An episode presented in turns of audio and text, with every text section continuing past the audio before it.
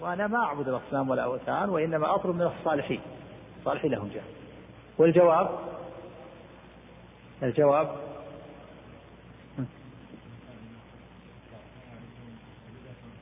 عباداتهم متنوعة أحسن. منهم من يعبد الأصنام والأوثان واللات والعزى ومنهم من يعبد الصالحين ومنهم من يعبد الملائكة ومنهم من يعبد الأنبياء. وتقرأ عليهم النصوص التي فيها بيان أنهم منهم من عبد الأنبياء ومنهم من عبد الصالحين ومنهم من عبد الأشجار والأحكام.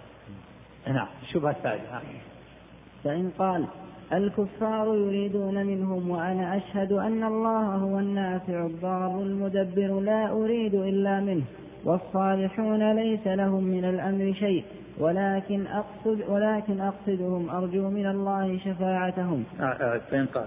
فإن قال الكفار يريدون منهم وأنا أشهد أن الله هو النافع الضار المدبر لا أريد إلا منه. والصالحون ليس لهم من الأمر شيء ولكن أقصدهم ولكن أقصدهم أرجو من الله شفاعتهم. فالجواب أن هذا قول أن هذا قول الكفار سواء بسواء. فاقرأ عليه قوله تعالى والذين اتخذوا من دونه أولياء ما نعبدهم إلا ليقربونا إلى الله زلفى. وقوله تعالى ويقولون هؤلاء شفعاؤنا عند الله. واعلم أن هذه هذه الشبهة يقول اعتراض أيضا. يقول الكفار السابقين يريدون من معبودهم النفع والضر. يريدون منهم أن ينفعوهم ويضروهم وأنا لا أريد من الصالحين أن ينفعون أو يضرون. عندما أعتقد أن النافع والضار هو الله. لكن أريد من الصالحين الشفاعة فقط. الشفاعة والقربى. هم أقرب مني إلى الله. لهم جاه ومنزل عند الله فهم ينقلون حوائج إلى الله يقربون إلى الله. فأنا ما أعتقد أنهم ينفعون ويضرون الكفار السابقين يريدون منهم النفع والضر. يريدون منهم النفع والضر. أما أنا ما أريد منهم النفع والضر. أعرف بأنهم لا ينفعون ولا يضرون. لكن أريد منهم الشفاعة والقربى فقط. والجواب نقول مقالتك هي مقالة المشركين السابقين سواء بسواء السابقون الكفار السابقون لا يريدون منهم النفع والضر. ولا يعتقدون أنهم يخلقون أو يرزقون أو يدبرون. واقرأ عليه الآيات. ولئن سألتهم من خلقهم لا يقولون الله. ومن يرزقكم من السماء اما يدبر الامر سيقولون إلى أن قال فسيقولون الله. فهم يعتقدون إن الله هو اللي يدبر الأمر وهو اللي يرزق وهو الذي ويميت. ولكن يطلبون منهم الشفاعة والقربى وتقرأ عليه الآية. ويعبدون من دون الله ما لا يضرهم ولا ينفعهم ويقولون هؤلاء شفعاؤنا عند الله. اذا يطلبون الشفاعة. والآية الأخرى والذين اتخذوا من دونه أولياء ما نعبدهم يعني قائلين ما نعبدهم إلا ليقربونا إلى الله زلفى. هذه الشبهة الثلاث يقول المؤلف رحمه الله إن هذه من أعظم شبهة فإذا فهمتها جيدا فما بعدها أيسر طيب من نريد إعادة الشبهة الثلاث باختصار لأنها فيه, فيه بعض التشابه بينها. الشبهة الأولى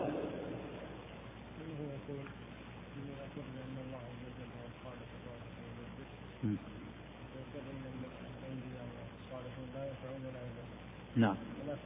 لو أقر بأن الرسول عليه الصلاة والسلام لا يملك نفسه نفعا ولا ضرا فضلا عن غيره وغيرهم باب أولى. ولكن أنا مذنب. نعم الجواب جواب الشبهة. ها. الجواب.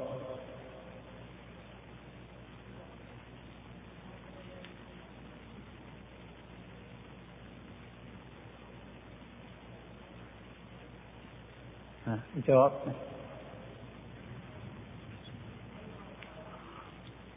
نعم المشركون لا يريدون إلا القربى والشفاعة نص القرآن ولا يعتقدون أنهم يخلقون أو يرزقون أو ينفعون أو يضرون. طيب الشبهة الثانية.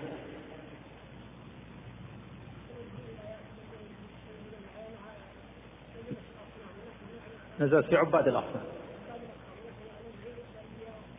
نعم ولا نعبد الأصنام. فكيف تجعلنا مثل مثل مثل الكفار؟ الكفار ما يشهدون أن لا إله إلا الله. ولا يشهدون أن محمد رسول الله.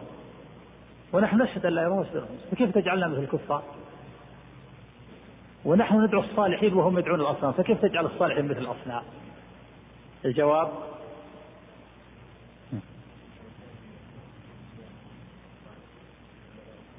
نعم. الكفار نقول عباداتهم متنوعة.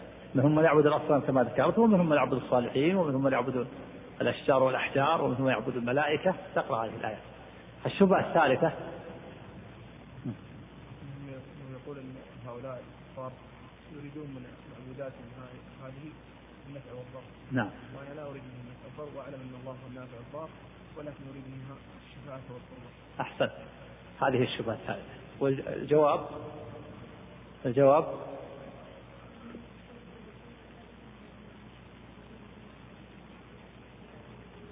لا أولا نقول مقالتك هي مقالة المشركين سواء بسواء. أن تقول أنا أريد منهم القربى والجاه هم المشركون يريدون القربى والشفاعة فقط. تقرأ عليه الآيات والمشركون السابقون لا يعتقدون أنهم لا يطلبون منهم النفع والضر كما زعمت بل يطلبون القربى والشفاعة كما طلبت. ففعلك هو فعلهم سواء بسواء. هذه الشبهة نعم. الشبهة الأولى الشبهة الأولى والثالثة الأولى يقول نعتقد أعتقد أن الله هو الخالق الرازق النافع والضار وأنا مذنب والصالحون لهم جاه فأنا أريد الجاه فقط. أريد الجاه أريد الشفاعة وأريد القربى. هذه كأنه مجمل لكن الثالث أوضح. صرح بأنه بأن يقول أن السابقين كفار السابقين يريد منهم النفع والضر. وإلا فيه في كل الشبهة الثلاث متقاربة. فالشبهة الأولى ما تعرض للسابقين هل يريدون النفع والضر لكن تحدث عن نفسه وقال أنا ما أعتقد أنهم يخلقون ولا يرزقون ولا ينفعون ولا يضرون. الشبهة الثالثة قال إن الكفار يدعونهم لأنهم يطلبون منهم النفع والضر. أما الشبهة الأولى ما قال إن الكفار يطلبون بس قال أنا أعتقد هذا. أعتقد أنهم لا ينفعون ولا يضرون ولا يخلقون ولا يضرون وإنما أطلب الشفاعة والجاه. والشبهة الثانية قال إن إن هذه الآيات في عباد الأصنام فكيف تجعل الصالحين كالأصنام؟ وأنا أدعو الصالحين. والشبهة الثالثة قال إن السابقين يطلبون منهم النفع والضر وأنا لا أطلب النفع والضر. نعم. واعلم أن هذه الشبهة, الشبهة الثلاث هي أكبر ما عندهم فإذا عرفت أن الله وضحها في كتابه وفهمتها فهما جيدا فما بعدها أيسر منها. فإن قال أنا لا أعبد إلا الله وهذا الالتجاء إلى الصالحين ودعائهم ليس بعبادة فقل له أنت تقر أن الله افترض عليك إخلاص العبادة وهو حقه عليك. فإذا قال نعم فقل له بين لي, بين لي هذا الذي فرضه الله. فإن قال الالتجاء فإن قال. فإن قال أنا لا أعبد إلا الله وهذا الالتجاء إلى الصالحين ودعائهم ليس بعبادة فقل له أنت تقر أن الله افترض عليك إخلاص العبادة وهو حقه عليك. فإذا قال نعم فقل له بين لي هذا الذي فرضه الله عليك وهو إخلاص العبادة لله وحده وهو حقه عليك. فإنه لا يعرف العبادة ولا أنواعها. فبينها له بقولك قال الله تعالى ادعوا ربكم تضرعا وخفية. فإذا أعلمته بهذا فقل له هل علمت هذا عبادة لله؟ فلا بد أن يقول نعم والدعاء مخ العبادة فقل له إذا أقررت أنها عبادة لله ودعوت الله ليلا ونهارا خوفا وطمعا ثم دعوت في تلك الحاجة نبيا أو غيره هل أشركت في عبادة الله غيره؟ فلا بد أن يقول نعم فقل له إذا علمت بقول الله تعالى فصل لربك وانحر وأطعت الله ونحرت له هل هذه عبادة فلا بد أن يقول نعم فقل له فإن نحرت لمخلوق نبي أو جني أو غيرهما هل أشركت في هذه العبادة غير الله فلا بد أن يقر ويقول نعم وقل له أيضا المشركون الذين نزل فيهم القرآن هل كانوا يعبدون الملائكة والصالحين واللات وغير ذلك؟ فلا بد أن يقول نعم فقل له وهل كانت عبادتهم إياهم إلا في الدعاء والذبح والالتجاء ونحو ذلك؟ وإلا فهم مقرون أنهم عبيده وتحت قهره وأن الله هو الذي يدبر الأمر. ولكن دعوهم والتجأوا إليهم للجاه والشفاعة وهذا ظاهر جدا.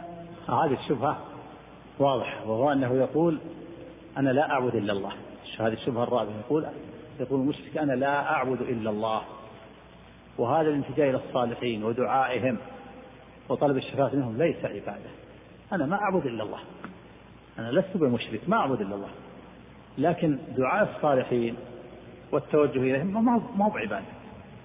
هذا ما هو ليس بعبادة وإنما هو محبة كما يقول بعضهم محبة للصالحين وتوسل وتشفع ليس بعبادة أما أنا لا أعبد إلا الله أشهد أن لا إله إلا الله وأشهد أن محمدا رسول الله وأصلي وأصوم وأحج. أنا أتبرأ من الشرك ما أعبد إلا الله. هذا الاتجاه إلى الصالحين ليس بشرك. والجواب عن هذه الشبهة أن نقول إن الله تعالى فرض عليك العبادة. بل فرضها على الثقلين الجن والإنس في قوله وما خلقت الجن والإنس إلا ليعبدون. وهو حقه عليك. أتعترف بهذا؟ يقول نعم. فرض علي أن أعبده أنا ما أعبد إلا الله. فرض علي عبادته. فرضه على الثقلين الجن والإنس. يقول ما, ما هذه العبادة التي فرضها عليك؟ أتظن أن الله يوجبها ولا يبينها؟ يوجب يوجب الله على العباد أن يعبدوه ولا يشركوا بشيء. ولا يبين هذه العبادة ما هي؟ لا يمكن. لا بد أن يبين هذا الأمر الذي أوجبه الله على عباده. أعظم من بيان الصلاة والزكاة والصيام والحج الذي هو إخلاص العبادة لله. فقل بين لهذا الأمر الذي أوجبه الله على العباد فلا يعرف. فتقرأ عليه قول الله تعالى ادعوا ربكم تضرعا وخفيا. وقال ربكم ادعوني أستجب لكم. وإذا سألك عبادي عني فإني قريب. فسمى الله الدعاء عبادة. ادعوا ربكم تضرعا وخفيا. إنه لا يحب المعتدين. ادعوا أمر في الدعاء. وقال ربكم ادعوني أستجب لكم. إن الذين يستكبرون عن عبادتي سيدخلون جهنم داخرين. فقلت عرفت تقول لها عرفت أن الله سمى الدعاء عبادة بل الدعاء مخ العبادة. فيقول نعم لابد أن يعترف. جزاه بالنصوص. تقول له إذا دعوت الله ليلا ونهارا خوفا وطمعا. ثم بعد ذلك دعوت بعض الأحيان عبد القادر. قلت يا عبد القادر الجيلاني أغثني أو مدد يا عبد القادر. أو يا سيد البدوي مدد مدد. أو يا سيد الدسوقي. أو يا سيد سيدة نفيسة. أو يا إبراهيم.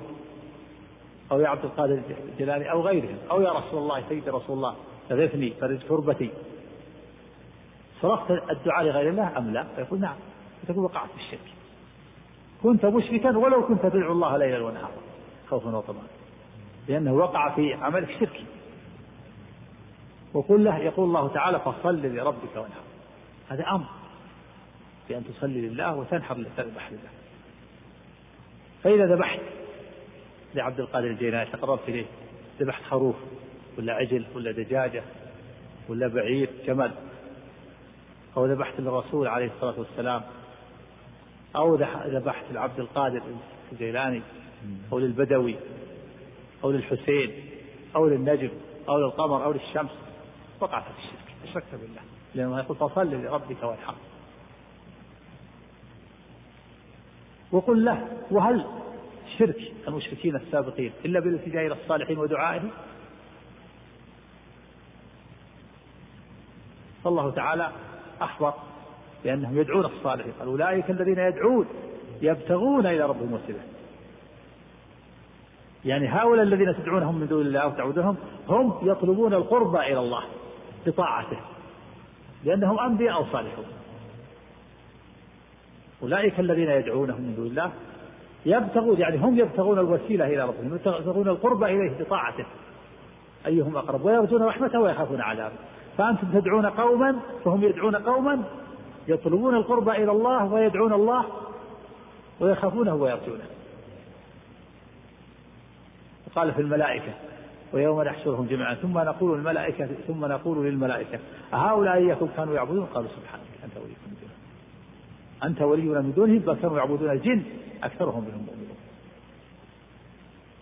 وقال سبحانه وإذ قال عيسى ابن مريم وإذ قال الله يا عيسى ابن مريم أأنت قلت للناس اتخذوني وأمي إلهين من دون الله؟ قال سبحانه. ما يكون لي أن أقول ما ليس لي بحق. إن كنت قلته فقد علمت. تعلم ما في نفسي ولا أعلم ما في نفسك إنك أنت أعلم قال سبحانه ما المسيح ابن مريم إلا رسول قد خلت من قبله الرسل وأمه صديقة كان يأكلان الطعام. يعني كيف يعبدون المسيح ومريم وهما بشران يحتاجان للطعام؟ المعبود لا بد أن يكون كامل. ما يحتاج إلى أحد ولا يحتاج إلى شيء بل هو كامل يوصل النفع إلى عابده. والمسيح وأمه يحتاجون إلى الطعام بشر. يحتاج إلى الطعام إذا ترك الطعام مات. هذا ما يصلح الألوهية ولا يصلح العبادة. فكون عيسى وأمه يأكلان الطعام دليل على بشريتهما ونقصهما وعدم استحقاقهما للعبادة. اللي يحتاج إلى الطعام ما يصلح العبادة بل هو بشر ضعيف ناقص. إنما الإله المعبود لا يحتاج إلى شيء. القائم بنفسه المقيم لغيره سبحانه. قل هو الله أحد. الله الصمد. هو صمد في نفسه وتصمد إليه الخلائق في حوائجها فلا يحتاج إلى أحد. الله لا إله إلا هو الحي القيوم. هو القائم بنفسه المقيم لغيره. قامت السماوات والأرض بل قام هذا الكون كله والخلق كله قام بالله ليس له قيام إلا بالله. سبحانه وتعالى. هو مستحق العبادة بحق وغيره لا يستحق. فعيسى وأمه بشران يحتاجان إلى الطعام وإذا فقد الطعام مات. فكيف يصلح للعبادة؟ هذا واضح. فهذه الشبهة فيها بيان أن المشرك يقول أنا ما أعبد إلا الله ويمكن أن يكون دعاؤه للصالحين عبادة. يقول بين لي العبادة ما هي العبادة؟ العبادة اسم جامع لكل ما يحبه الله ويرضاه من الأقوال والأعمال الظاهرة والباطنة. كل ما أمر به الشرع أو نهى عن الشر تفعل الأوامر وتترك النواهي تعبدا لله. الدعاء عبادة والذبح عبادة. والنذر عبادة والطواف بالبيت عبادة والتوكل على الله عبادة والرغبة عبادة والرهبة عبادة والخوف عبادة والرجاء عبادة مع القلوب والصدق والمحبة. وكذلك أعمال الجوارح الصلاة عبادة والزكاة عبادة والصوم عبادة والحج عبادة بر الوالدين عبادة صلة الرحم عبادة الإحسان إلى الناس عبادة. كذلك المحرمات تتركها تعبدا لله تترك الزنا والسرقة وشرب الخمر والتعامل بالربا تكف نفسك عن العدوان على الناس في دمائهم وأموالهم وأعراضهم. تعبدا لله. هذا العبادة العبادة متنوعة ومن أعظمها الدعاء. فإذا صرفت شيئا منها لغير الله وقعت في الشرك. لأن العبادة التي خلق الله لأجلها ما تعرفها أنت أيها المشرك حيث زعمت أن الالتجاء إلى الصالحين ليس من العبادة بل هو مخ العبادة. ولهذا جاء في الحديث الدعاء هو العبادة. جاء في حديث الدخاء مخ, العبادة وإن كان في ضعف. الحديث الدخاء مخ العبادة. لكن أصح من الدعاء هو العبادة. من ذلك قول الله تعالى فلا تدعو مع الله إلها آخر فتكون من المعذبين. ولا تدعو من دون الله ما لا ينفعك ولا يضرك فإن فعلت فإنك إذا من الظالمين. وأن المساجد لله فلا تدعوا مع الله أحدا. والذين تدعون من دونه ما يملكون من قطمير. إن تدعوهم لا يسمعوا دعاءكم ولو سمعوا ما استجابوا لكم ويوم القيامة يكفرون بشرككم ولا ينبئك مثل خبير ومن يدعو مع الله إلها آخر لا برهان له به فإنما حسابه عند ربه إنه لا يكفر الكافرون. النصوص كثيرة لا حصر لها لأن الدعاء عبادة عظيمة من أعظم العبادات. نعم. فإن قال إذا واضح الشبهة هذه الشبهة هو أنه ينكر الشبهة هو أنه يثبت لنفسه أنه يعبد الله ولا يشرك به شيئا وينكر أن يكون التجاؤه إلى الصالحين ودعائهم عبادة. يقول هذا ما هو عبادة كما هو كما هو موجود الآن. الآن عباد القبور الذين يعبدون القبور لو جئت إليهم وقلت لهم ما يجوز تدعو أن تدعوا غير الله. لا يجوز لكم أن تذبحوا القبور قلت لا هذا ما هو عبادة أنا ما أعبد إلا الله أنا أصلي لله وأصوم لله. يظن أن الدعاء ما هو بعبادة. العبادة الصوم والصلاة فقط والدعاء ما هو بعبادة والذكر ما هو بعبادة. أنا أقول لا أنا أعبد الله وهذا ما هو ما هو دعاء ما هو بعبادة. كوني أدعوهم وأطلب منهم المدد أذبح لهم وأنذر لهم هذا توسل ومحبة للصالحين وتشفع. أنت ما تحب الصالحين أنت تبغض الصالحين هكذا ينفرون لينهاهم عن الشرك يقول هذا يبغض الصالحين ولا يحب الصالحين ولا يعرف الصالح حرمتهم ولا قدرهم. نحن نحب الصالحين ونعرف الصالحين قدرهم لكن لا نرفعهم فوق منزلتهم لا نعبدهم مع الله. الرسول عليه الصلاة أعظم الخلق. نعرف له حقه نطيعه ونتبعه ونحبه أعظم محبة لأنفسنا وأهلنا وأهلنا لكن لا نعبده. فالعبادة حق الله. الله حقه العبادة والطاعة. والرسول حقه الطاعة والاتباع والتعظيم والمحبة. والصالحين حق حقهم الموالاة والدعاء لهم والاقتداء بأعمالهم والتأسي بأعمالهم الطيبة لكن لا يعبدون من دون الله. كل له حق. الله له حق والرسول له حق. والصالح له حق. فالله حقه العبادة والرسول حقه الطاعة والمحبة والاتباع والتعظيم. والصالحون حقهم العبادة وحقهم الموالاة والمحبة والاقتداء بأعمالهم الصالحة. أما العبادة فهي حق الله فقط لا يستحقها أحد غيره سبحانه وتعالى. فالله هو المعبود بحق لا إله إلا الله. لا معبود حق إلا الله. كل ما عبد من دون الله فهو بالباطل. كل ما عبد من دون الله تكون عبادته بالباطل. أي معبود من دون الله يعبد فهو معبود بالباطل. الشمس عبدت بالباطل. والقمر عبدت بالباطل والشجر عبد عبد بالباطل والحجر عبد بالباطل والملائكة عبدوا بالباطل. لا يستحقون العبادة. والصالحون عبدوا بالباطل. المعبود الذين عبدوهم عبدوهم بالباطل. صرفوا لهم حق الله كذلك الأنبياء وكذلك غيرهم. قال الله تعالى ذلك بأن الله هو الحق وأن ما يدعون من دونه هو الباطل وأن الله هو العلي الكبير. نعم. فإن قال أتنكر شفاعة رسول الله صلى الله عليه وسلم وتبرأ منها فقل لا, فقل لا أنكرها ولا أتبرأ منها بل هو صلى الله عليه وسلم الشافع المشفع وأرجو شفاعته لكن الشفاعة كلها لله كما قال تعالى قل لله الشفاعة جميعا. ولا تكون إلا من بعد إذن الله كما قال عز وجل من ذا الذي يشفع عنده إلا بإذنه ولا يشفع في ولا يشفع في أحد إلا من بعد أن يأذن الله فيه كما قال عز وجل ولا يشفعون إلا لمن ارتضى وهو سبحانه لا يرضى إلا التوحيد كما قال تعالى ومن يبتغ غير الإسلام دينا فلن يقبل منه.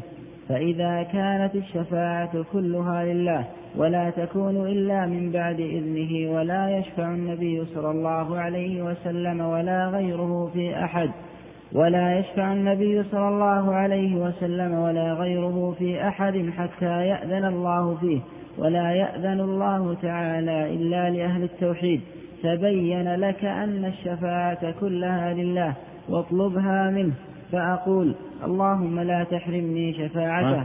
تبين لك؟ تبين لك أن الشفاعة كلها لله. نعم. وأطلبها منه. فأقول اللهم لا تحرمني شفاعته. اللهم شفعه في وأمثال هذا. أطلبها منه. تبين لك؟ تبين لك أن الشفاعة كلها لله. إيه؟ واطلبها منه. إيه؟ فتقول. عندك فتقول ولا؟ أو الله ها؟ وأطلبها منه يصح إذا كانت وأقول فأطلبها وإذا كانت تقول فتطلبها منه وأطلبها منه إذا كانت مطلوبها منه فتقول. وإذا كانت وأطلبها فأقول. على حسب ما عندك. نعم. وأطلبها منه فأقول.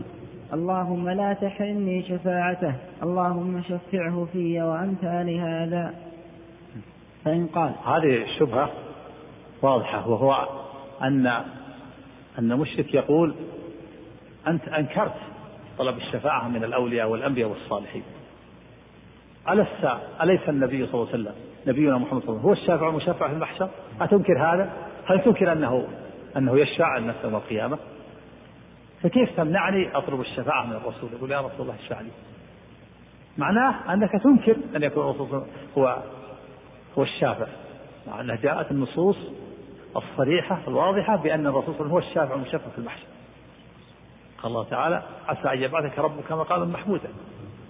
فقل لا أنا لا أنكر الرسول صلى الله عليه وسلم لا أنكر شفاعته بل هو الشافع المشفع في المحشر عليه الصلاة والسلام وأرجو من الله شفاعته. لكن الشفاعة ملك لله عز وجل.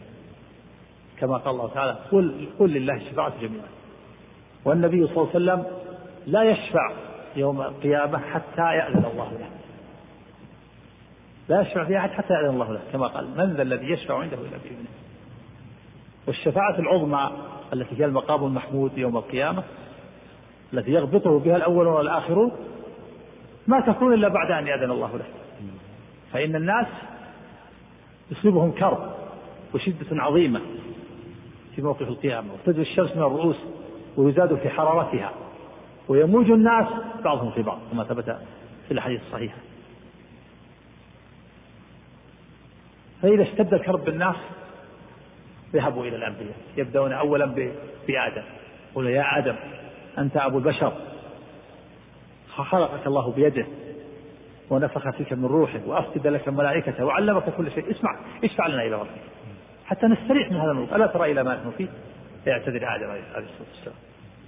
ويقول إن ربي غضب اليوم غضبا لم يغضب قبله مثله ولا يغضب بعده مثله. وإني أكلت من الشجرة التي نهيت عنها. نفسي نفسي. اذهبوا إلى غير اذهبوا إلى نوح. فإنه أول رسول بعثه الله إلى أهل الأرض. فيأتون نوحا. يقول يا نوح أنت أول رسول بعثك الله إلى الأرض. وسماك الله عبدا شكورا. اشفع لنا إلى ربك حتى نستريح من هذا الموقف. ألا ترى إلى ما نحن فيه؟ ألا ترى ما بلغنا؟ فيعتذر نوح عليه الصلاة والسلام. فيقول لا أستطيع. لست لست لها إني دعوت على أهل الأرض دعوة غير إن ربي غضب اليوم غضبا لم يغضب قبله مثله ولن يغضب بعده مثله. وإني لست أهلا لذلك. اذهبوا إلى غيري اذهبوا إلى إبراهيم. فإنه خليل الرحمن. فيذهبون إلى إبراهيم عليه الصلاة والسلام. فيقول يا إبراهيم أنت خليل الرحمن. اتخذك الله خليلا. اشفع لنا إلى ربك. ألا ترى إلى ما نحن فيه؟ ألا ترى إلى ما بلغنا؟ يقول إبراهيم عليه الصلاة والسلام إن ربي غضب اليوم غضبا لم يغضب قبله مثله ولن يغضب بعده مثله. وإني كذبت في الإسلام ثلاث كذبات. اذهبوا إلى غيري. اذهبوا إلى موسى إلى موسى فإنه كلم الرحمن. وهذه الكذبات إنما هي في الحقيقة تورية يجادل بهن عن دين الله. يجادل بهن عن دين الله. هي بكذبات صريحة. انظر يعتذر يوم القيامة. لما كسر الأصنام وضع الفأس على الصنم الأكبر. قالوا له من فعل من فعله؟ قال قال هذا. يريهم إيهاما أنها لا تنفع ولا تضر. ونظر في النجوم فقال إني سقيم يريهم ما هم عليه من الاعتقاد في النجوم. وقال عن زوجته لما مر بمصر الملك الظالم الذي خشي أن يأخذها قال إنها أختي وتأول أن أخذ في الإسلام. وقال لها إني سأقول إنك أختي فلا تكذبين فأنت أختي في الإسلام فليس على وجه الأرض مؤمن غيري وغيره في ذلك الوقت. ما في مسلم غيره. هذه يعتذر يوم القيامة. فيأتون موسى فيقولون يا موسى أنت كلم الرحمن. اشفع لنا إلى ربك؟ ألا ترى إلى ما نحن فيه؟ ألا ترى إلى ما بلغنا؟ فيعتذر موسى عليه الصلاة والسلام. فيقول إن ربي غضب اليوم غضبا لم يغضب قبله مثله ولن يغضب بعده مثله. وإني قتلت نفسا لم أمر بقتلها. اذهبوا إلى غيري اذهبوا إلى عيسى. فإنه روح الله وكلمته. وهذه النفس التي قتلها القبطي الذي قتله قبل النبوة. لما خرج ووجد رجلين يقتتلان هذا من هذا من شيعته وهذا من عدوه فاستغاثه الذي من شيعته اللي هم بني إسرائيل لإسرائيل على الذي من عدوه على القبطي. فوكزه موسى فقضى عليه. كانت الضربة هي القاضية قبل النبوة ثم خرج إلى مدين هذه يعتذر يوم القيامة. فيأتون عيسى. يقول يا عيسى أنت روح الله وكلمته. اشفع لنا إلى ربك ألا ترى إلى ما نحن فيه ألا ترى إلى ما بلغنا. فيعتذر عيسى عليه الصلاة فيقول ولا يذكر ذنبا إلا أنه يقول اتخذت أنا وأمي إلهين من دون الله. فلا أصلح لست أهلا لها. إن ربي غضب اليوم غضبه ولم يغضب قبله مثله. ولن يغضب لهم اذهبوا إلى غيري اذهبوا إلى محمد فإنه خاتم النبيين. فيذهبون إلى نبينا محمد صلى الله عليه وسلم يقولون يا محمد أنت خاتم النبيين. إذا تشفع لنا إلى ربك فيقول عليه السلام أنا لها أنا لها. فيذهب فيصل تحت العرش. فيفتح الله عليه محامد من محامده في ذلك الموقف من محامد الله والثناء عليه ما لا يحسنه وهو في دار الدنيا. ثم يأتي الإذن من الرب عز وجل. فيقول الله يا محمد ارفع رأسك وسل تعطى واشفع تشفع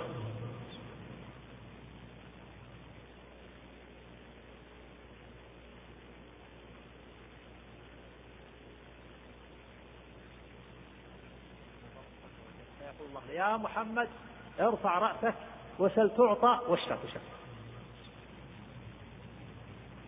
فيشفعه الله. يسأل الله سبحانه يقضي بين العباد فيشفعه الله في الخلائق. هذا هو المقام المحمود الذي يضبطه فيه الأول والآخر. والشاهد أنه ما ما شفع أولا حتى جاء الإذن الإذن يا محمد ارفع رأسك وسل تعطى واشفع وكذلك إذا شفع في أحد من أهل النار عليه الصلاة والسلام لا بد من الإذن يأذن الله له ولا بد من الرضا شرط آخر من الرضا على المشروع له. ولهذا يحد الله له حدا. من هذا إلى هذا يشفع له يخرجهم من النار. ولا يأذن الله لأحد أن يخرج من النار إلا أهل التوحيد والإخلاص. العصاة الموحدين أما من مات من أهل الشرك لم يفعل التوحيد هذا لا نصب له في الشفاعة. فما تنفعهم شفاعة الشافعين إذا الشفاعة ما تكون إلا بشرطين. الشرط الأول الإذن من الله والشرط الثاني الرضا عن المشفوع له. والله لا يرضى إلا عن أهل التوحيد والإخلاص. فالكافر لا يرضى الله عنه ولا يمكن أن يأذن لأحد أن يشفع في الكافر. ومن يبتغي غير الإسلام دينا فلن يقبل منه وهو في الآخرة من الخاسرين. فإذا كانت الشفاعة لا تكون إلا بهذين الشرطين الإذن من الله والرضا عن المشفوع له دل على أن الله هو الذي يملك لها. فيها منه وإليه اطلبها من الله. لا تطلبها من الرسول يا رب شفع في نبيك اللهم لا تحرم شفاعة نبيك. هو الذي يملكها سبحانه وتعالى. اطلبها من الله ولا تطلبها من الرسول. لكن في يوم القيامة إذا كان حي وهو حي يقول يطلب يطلب منه الناس الشفاعة يقول اشفع لنا لا بأس. الحي إذا كان قادر تقول اشفع لي اشفع لي عند واحد يتوسط لك؟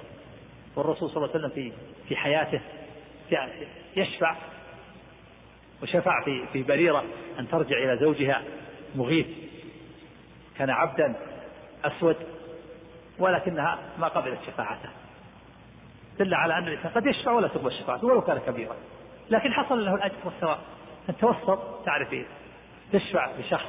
تعرف أنه فقير تشفع له عند غني تعطيه شيء من الزكاة أو من المال. تشفع له عند أحد المسؤولين يعطى شيء من بيت المال.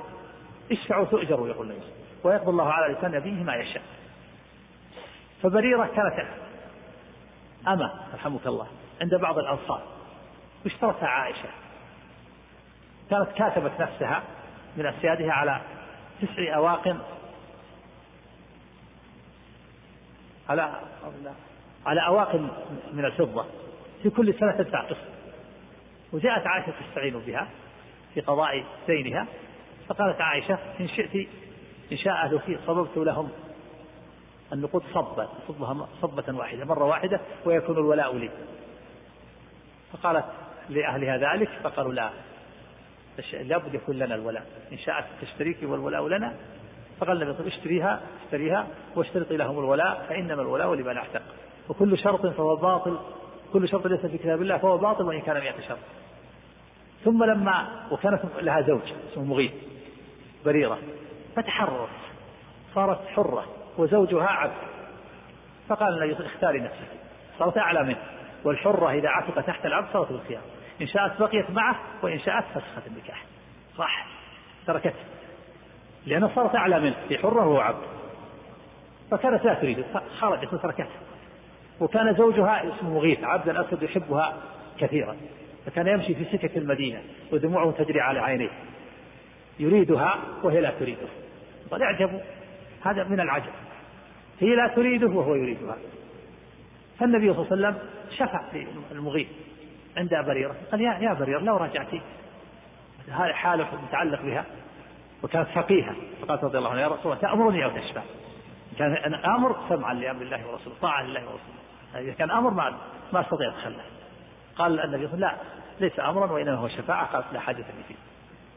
ما قبلت الشفاعة النبي صلى الله عليه وسلم. هذا يدل على أن الإنسان ولو كان عظيم إذا ردت شفاعته ما يضر. اشفعوا تؤجروا ويحصل له ويقضي الله على لسان به ما يشاء.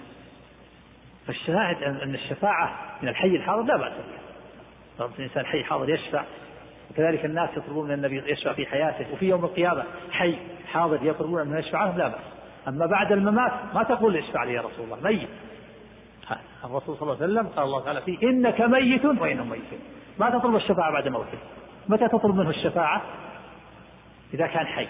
إذا كان في الدنيا قبل الموت طلب منه الصحابة الشفاعة. وفي يوم القيامة إذا بعثه الله وبعث الناس طلبوا منه الشفاعة. أما بعد موته فلا تطلب منه. وإنما تطلبها من الله تقول يا ربي شفع في نبي. اللهم لا تحرمني شفاعة نبي. وهكذا. واضح هذا؟ بارك نقف على هذا. وفق الله الجميع لطاعته ورزق الله الجميع العلم النافع والعمل الصالح وصلى الله على محمد وآله وسلم. السلام عليكم ورحمة الله وبركاته. بسم الله الرحمن الرحيم. الحمد لله رب العالمين والصلاة والسلام على محمد وعلى آله وصحبه أجمعين. أما بعد نريد إعادة الشبهة الثلاث جواب تفصيلي. الشبهة الأولى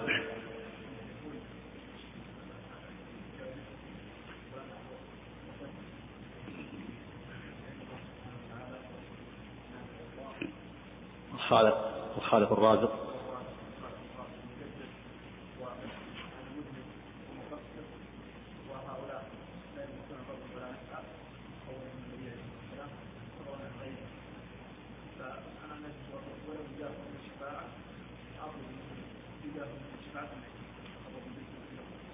أحسنت جواب. جواب الشبهة. جواب.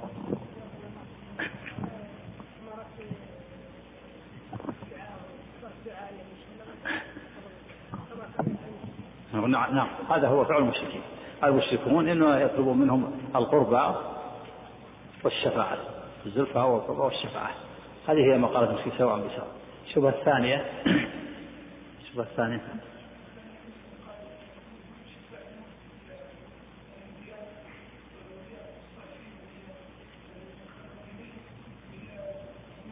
نعم.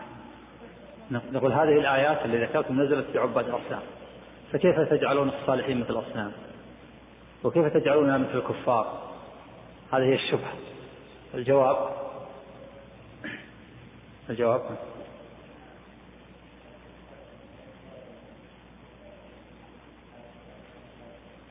نعم أن الكفار معبودات متنوعة.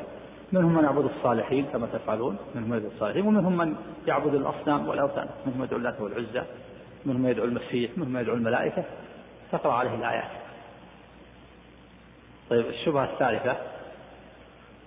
الشبهة الثالثة. نعم. نعم. يعني يريد منهم النفع والضر. وأنا؟ نعم. الجواب؟ جواب الشبهة. نعم.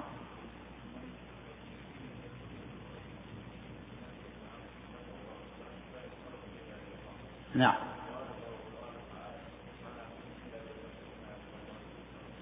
يعني فالقول إنهم يريدون منهم النفع والضر ليس بصحيح. فالنصوص دلت على أنهم يفردون الله بالنفع والضر والخلق والرزق والإماتة والإحياء وإنما يريد منهم الشفاعة. تقرأ له الآية. طيب. سم. الرحمن الرحيم. الحمد هناك الشبهة الرابعة اللي بدأنا فيها أنهم يقولون إن الشبهة أن يقول الشبهة الرابعة أن يقول هو أن يقول أنا لا أعبد إلا الله. وهذا الاتجاه إلى الصالحين ليس بشرك. هذه شبهة رابعة. وأنا ما أعبد إلا الله. وهذا الاتجاه إلى الصالحين. مو بشرك. هذا محبة للصالحين. محبة تشفع بهم توجه إلى الله بهم. ليس هذا بشرك. والجواب أن يقال له بين بين العبادة. ما هي؟ بين الشرك. ما هو ما هي العبادة التي أوجبها الله على الخلق؟ خلق الخلق من أجلها وما خلقت الجن والإنس إلا ليعبدون. بينها لي فإنه لا يستطيع.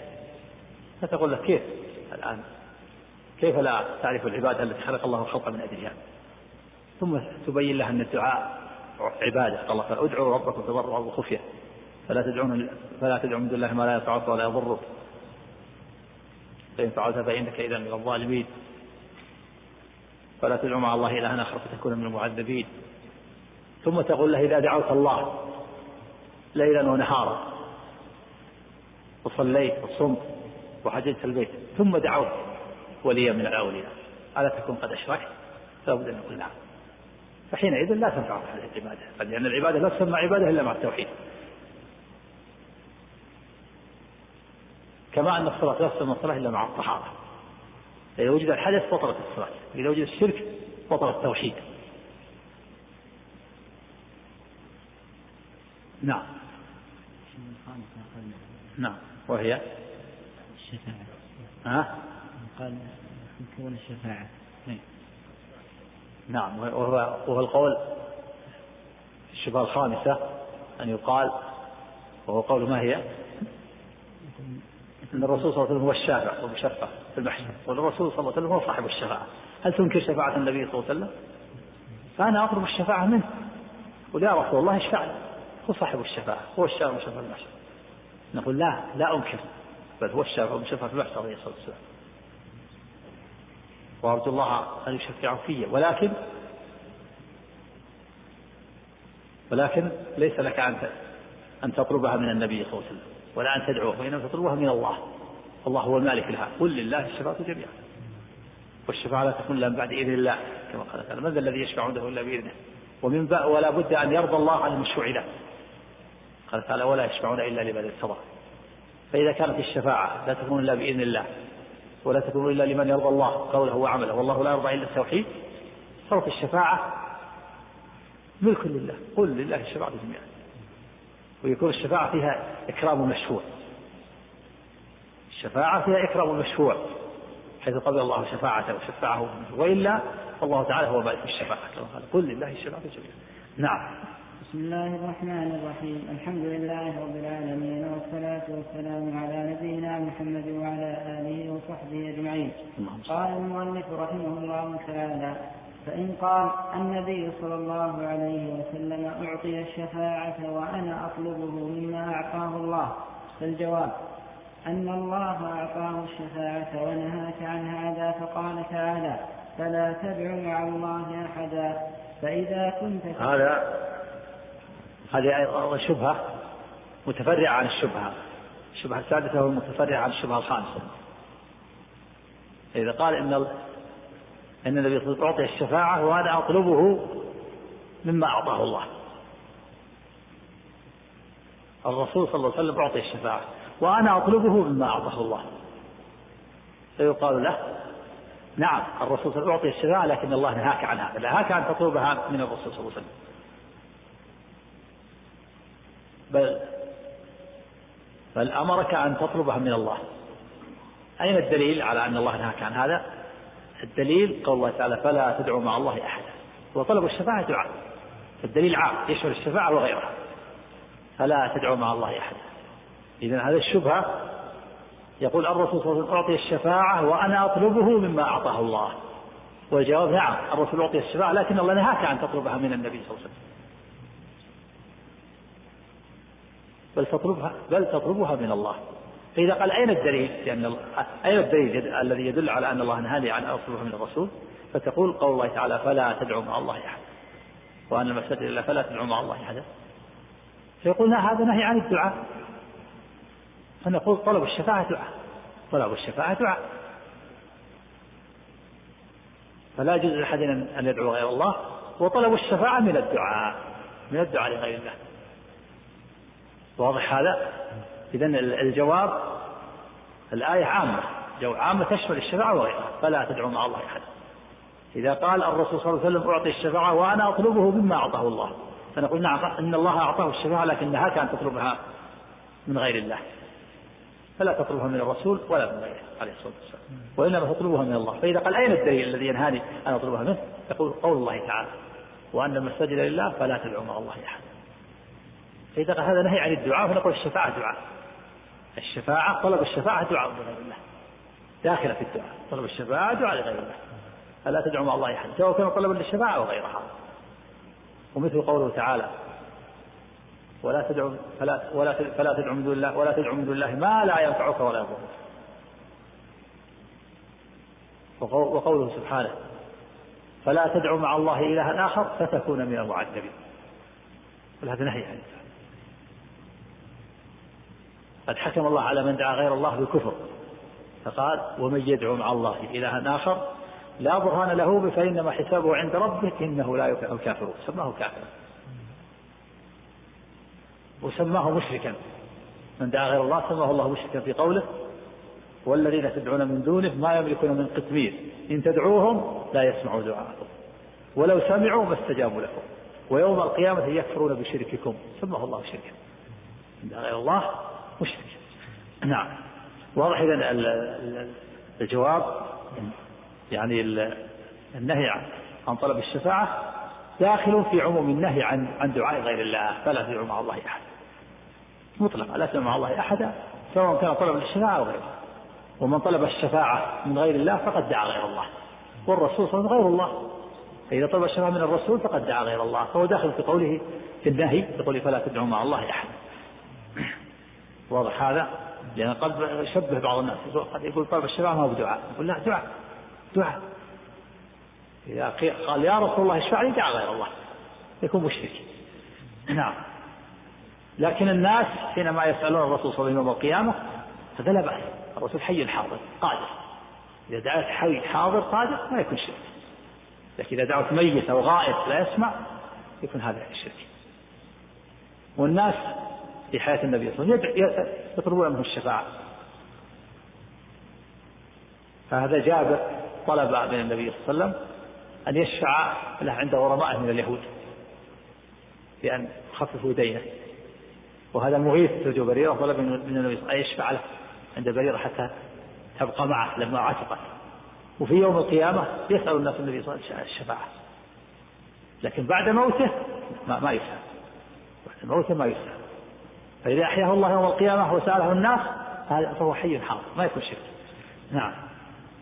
فإذا نعم. كنت تدعو الله أن يشفع نبيه فيك فأطعه في قوله فلا تدعو مع الله أحدا. وأيضا فإن نعم فإذا كنت ترجو أن يشفع الله فيك نبيه أطع أطع ربك في أوامره ونواهيه. ومن النواهي التي نهاك عنها فقل لا تدعو مع الله أحدا.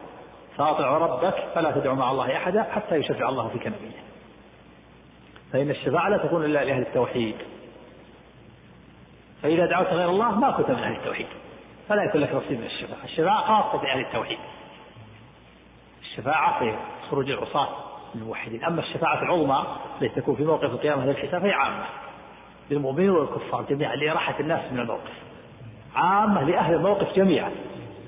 الشفاعة العظمى يوم القيامة هي عامة لأهل الموقف مثل الشفاعة في إخراج العصاة من النار أو في قوم يستحقوا دخول النار ألا يدخلوها هذه خاصة بالموحدين صلاة الموحدين صلاة المؤمنين نعم. وأيضا فإن الشفاعة أعطيها غير النبي صلى الله عليه وسلم فصح أن الملائكة يشفعون والأفراط يشفعون والأولياء يشفعون. والأفراط والأولياء فصح. فصح أن الملائكة يشفعون والأفراط يشفعون والأولياء يشفعون. أتقول إن الله أعطاهم الشفاعة فأطلبها منهم. نعم الشفاعة ليست خاصة بالنبي صلى الله عليه وسلم بل يشاركه فيه غيره غيره عليه الصلاة والسلام. قد ثبت أن الأنبياء يشفعون وكذلك الشهداء يشفعون والصالحون يشفعون والأفراد الأطفال الذين ماتوا دون والملائكة يشفعون. فلا تقول إن إن هؤلاء أعطوا الشفاعة؟ أريد أن أدعو الملائكة وأدعو الأفراد وأدعو الصالحين حتى يشفعوا لي. وهذه الشفاعة التي هي عامة هي الشفاعة في إخراج العصاة من الموحدين. وكذلك في إخراج وفي وفي قوم يستحقوا دخول النار لا يدخلون. أما الشفاعة العظمى في موقف القيامة فهي خاصة بالنبي صلى الله عليه وسلم لا يشرك فيها غيره هذه خاصة. وكذلك أيضا الشفاعة في الإذن لأهل, الجنة في دخولها. هذه خاصة بالنبي صلى الله عليه وسلم. وكذلك الشفاعة في تخفيف العذاب عن أمه أبي طالب خاصة به وبأبي طالب. هذه ثلاث شفاعات خاصة بالرسول صلى الله عليه وسلم لا يشرك فيها غيره. الشفاعة العظمى في موقف القيامة وهي لإراحة الناس من الموقف لفصل القضاء وهي المقام المحمود الذي يغبطه في الأولون والآخرون عليه الصلاة والسلام. وهي المذكورة في قوله تعالى وقل ربي أدخلني مدخل صدق وأخرجني مصر عسى أن يبعثك ربك مقاما محمودا.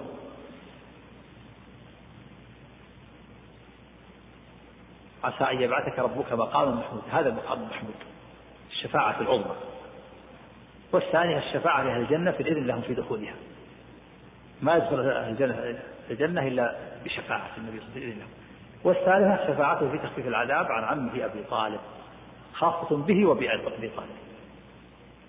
الخاصة وهي شفاعة تخفيف تخفيف العذاب لا إخراج من النار. قد ثبت في الصحيحين أن أن النبي صلى الله عليه وسلم قيل له يا رسول الله إن أبا طالب يحميك ويرد عنك فهل نفعت؟ قال نعم.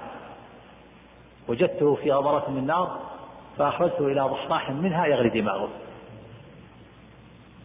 ولولا أنا لكان في الدرك الأسفل من النار. وفي لفظ إن أخف الناس عذابا يوم القيامة. أبو طالب. وإن لفي أخمصيه جورتان من نار يغلي منهما دماغه وإنه لا يظن يعني من شد ما ما معنى الحديث إنه لا يظن أنه أشد أهل النار عذابا وإنه أخفهم من شدة ما يجب نسأل الله السلامة والعافية. أي شفاعه التخفيف. لما خف شركه بحماية النبي صلى الله عليه وسلم والدفاع عنه صارت له هذه الشفاعة خاصة به شفاعة التخفيف ولا تنفعه في إخراجه من النار. وأما غيره فليس له نصيب من الشفاعة. قال تعالى فما تنفعهم شفاعة الشافعين نسأل الله السلامة والعافية. نعم. أتقول إن الله أعطاهم الشفاعة فأطلبها منهم. فإن قلت هذا رجعت إلى عبادة الصالحين التي ذكر الله في كتابه. نعم. خلاصة هذا الكلام أن يقول أن إن الشفاعة ليست خاصة بالرسول عليه الصلاة والسلام بل الشفاعة تشمل الشهداء والصالحين والأفراد والملائكة. هل تقول أنا أريد أن أدعوهم؟ أطلب منهم الشفاعة؟ لأن لا لأن الله أعطاهم الشفاعة. إن قلت ذلك رجعت إلى عبادة الصالحين وهو الشرك. وإن قلت لا تقول فكذلك الرسول صلى الله عليه وسلم لا تطلب الشفاعة اطلبها من الله. نعم. وإن قلت لا بطل قولك أعطاه الله الشفاعة وأنا أطلبه مما أعطاه الله. آه. وحينئذ لا تطلبها لا من الرسول ولا من غيره وإنما تطلبها من الله. فإن قال أنا لا أشرك بالله شيئا حاشا وكلا ولكن الالتجاء إلى الصالحين ليس بشرك. هذه الشبهة يقول أنا لا أشرك بالله شيئا حاشا وكلا. لكن الالتجاء إلى الصالحين ليس بشرك ما هو بشرك هذا؟ كن يدعوهم وأطلبهم ليس بشرك. نعم نعم. فقل له إذا كنت تقر أن الله حرم الشرك أعظم من تحريم الزنا وتقر أن الله لا يغفره فما هذا الأمر الذي حرمه الله؟ وذكره أنه لا يغفره فإنه لا يدري.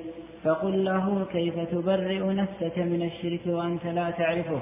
أم كيف يحرم الله عليك هذا ويذكر أنه لا يغفره ولا تسأل عنه ولا تعرفه؟ أتظن أن الله يحرمه ولا يبينه لنا؟ نعم هذا جواب عظيم. وهو أنه إذا قال أنا لا أشرك بالله شيئا حاشا وكلا. لكن الالتجاء الصالح ليس بالشرك نقول ما هو الشرك؟ هل أنت تعرف الشرك؟ هذا هو الشرك.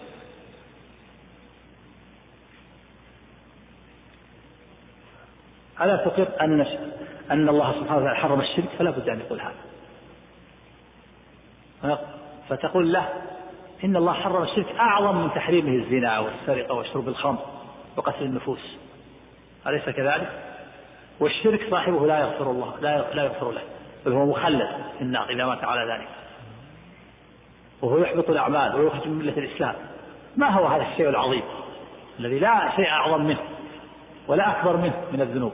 هل تظن أن الله يحرم علينا هذا الأمر العظيم ولا يوضح لنا في كتابه؟ لا يمكن. لابد أن يكون بيانه أعظم من بيان كل شيء. لأن هذا أمر خطير. أخطر. أخطر شيء وأعظم مصيبة تنزل بالإنسان وقوع الشرك. هذا يمكن. أن يحرم الله هذا الشيء ويعظم شأنه ويجعله أعظم الذنوب ويجعل صاحبه خارج من ملة الإسلام. وإذا فعل حبطت أعماله بطلت. وإذا مات على صار من أهل النار ولا ولا ولا يبينه لنا لا يمكن نعم. فإن قال الشرك عبادة الأصنام ونحن لا نعبد الأصنام. فقل له ما هذا الجواب قال لا. أنا لا أعبد إلا الله والتجارة الصالح ليس بشيء. أنا لا أشرك بالله. والتجارة الصالح ليس بشرك. فإذا قلت ما هو الشرك؟ فيقول الشرك عبادة الأصنام فتقول له ما هي عبادة الأصنام هل عبادة الأصنام تظن أنهم أن عبادة الأصنام معناها اعتقاد أنها تخلق وترزق وتنفع وتضر؟ ليس هذا. لأن المشركين يعبدون الأصنام ولا يعتقدون أنها تخلق ولا ترزق ولا تنفع ولا تضر.